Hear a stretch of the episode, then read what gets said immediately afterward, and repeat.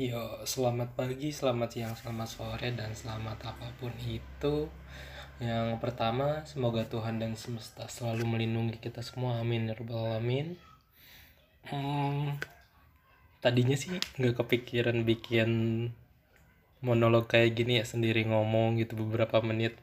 Tapi setelah dipikir-pikir, kayaknya seru juga gitu ngebahas sesuatu masalah sendirian monolog tanpa ada distraksi dari orang lain bisa ngebahas apa pun yang kita pengen. Kayaknya seru juga gitu. Jadi pengen nyobain sih. Walaupun istilahnya kayak nelan ludah sendiri tapi ya masa iya kita nelan ludah orang lain? Yang ditelan kan pasti ludah sendiri kan. Ya mungkin sekarang aku pengen ngebahas soal kasus yang turah itulah. Sebenarnya pelecehan seksual tuh bisa dilakuin sama siapa aja dan yang aku lihat dari kasusnya sih ya kalian bisa cari sendiri lah di Twitter kasusnya kayak gimana. Dan ngelihat respon dari manajer manajernya juga Jehian kalau nggak salah namanya tuh. Kakaknya Jerome Pelin kan? Polin ya itulah pokoknya Pelin gitu Polin uh, itu kan dia ngecam juga. Tapi sebenarnya yang heran tuh masih ada beberapa fans dari si turahnya juga tuh yang ngebela kalau itu kesalahan semua manusia. Itu hal yang biasa. Tapi ya kalau kalian ngikutin kasusnya sih ya sampai ditutup-tutupi segala macam sih ya kayak buat apa-apaan gitu. Sampai si turunnya juga kayaknya buat segan buat minta maaf. Itu kan istilahnya hasil dari apa yang dia tampilin di YouTube selama ini kan. Dia ngebrandingin dirinya itu sebagai seorang intelek orang yang ramah yang gak mungkin ngelakuin hal-hal yang negatif bisa dikatakan. Ya tapi pada hakikatnya kan setiap manusia pasti ngelakuin kesalahan segala macam ya kan? Nah eh, sebenarnya aku pernah nulis sih di blog aku soal branding. Judulnya itu jubah itu bernama personal branding dan kenapa judulnya itu jubah itu bernama personal branding yang pertama sih udah jelas ya jubah. Jubah itu kan gunanya ngelindungin tubuh dari gangguan-gangguan yang di luar lah mau angin atau apa dan e, bisa bikin e, penampilan lebih menunjang gitu. Kan itu sama aja kayak outfit gitu. Kalau kita pakai jubah yang rapi ya kesan orang lain terhadap kita juga lebih kelihatan kayak wih orangnya rapi padahal kan belum tentu rapi juga.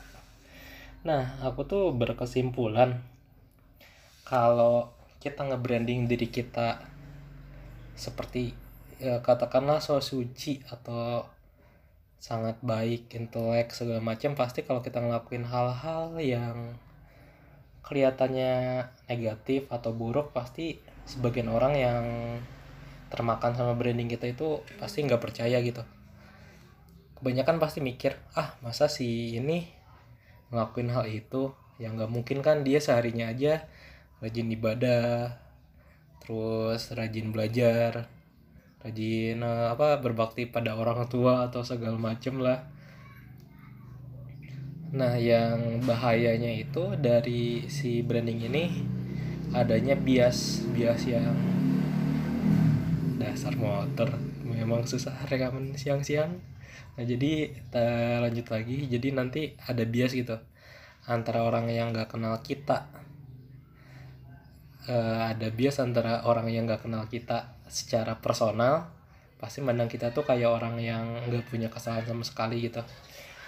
Padahal di sisi lainnya yang sebenarnya ya kita kan manusia manusia juga gitu pasti ngelakuin kesalahan lah.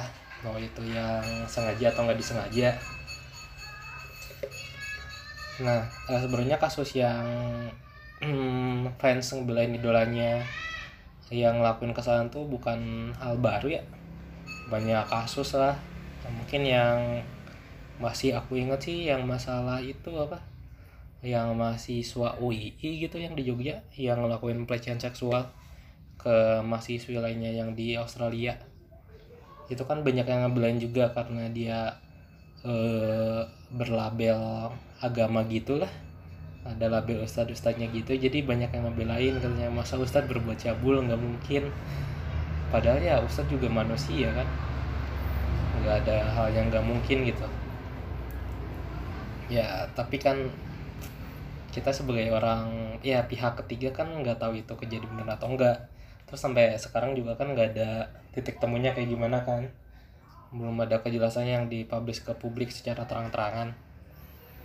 Uh, tapi yang paling rada bikin nyesek itu sih pas kasusnya Andika kangen band sama Jeffrey Nicole Nicole Nicole.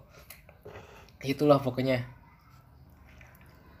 nah mereka kan dua-duanya punya kasus yang sama ya narkotika. Tapi yang satu si Andika tuh dapat respon yang jelek kayak ngata-ngatain tuh. Andika itu perusak bangsa segala macam makan narkoba segala macam e, pokoknya mah ujaran-ujaran kebencian gitulah. Kasian gue e, bacanya juga. Tapi di sisi lain pas Jeffrey Nicole yang kena itu tuh malah banyak yang nge-support gitu. Kayak ih semangat Jeffrey Nicole kamu pasti bisa ngelawan ini. Ada yang bikin pembenaran kalau dia kan banyak kerjaan stres ya wajar pakai yang kayak gitu. Di sisi lain ya Andika Kangen Band juga kan artis penyanyi sering konser segala macem ya. Tapi kenapa nggak ada yang ngebelain kayak gitu tuh? Aneh. Personal branding memang kejam nggak tahu masyarakatnya yang standar ganda ya? Iya sih. Bisa aja standar ganda juga. Bi ngomong-ngomong soal standar ganda di keseharian kan banyak banget ya yang standar ganda. Apalagi yang kaum feminis gitu. Ya mungkin masalah standar ganda bakal dibahas lain lagi sih. Soalnya ini udah 7 menit juga bingung gitu ngomong apa kan. Kayak keburu-buru mungkin karena ini baru pertama kali ya ngomong monolog gini. Mungkin ke depannya bakal seminggu sekali atau seminggu dua kali gitu gimana ada topik yang mau dibahas dan bisa dibahas daripada aku ngebahas hal yang nggak bisa aku kendaliin. Nanti jatuhnya sotoy atau pembodohan publik kan bahaya juga ya. Harus dipertanggungjawabkan di akhirat segala macam. Ya udahlah mungkin segini aja buat episode uh, bisa disebut episode mungkin episode pembuka buat apa ya namanya sharing opini bareng Lucky di podcast Oga Lama sambil menunggu si Tamara yang selalu sibuk dengan kerjaannya. Yo, wassalamualaikum warahmatullahi wabarakatuh.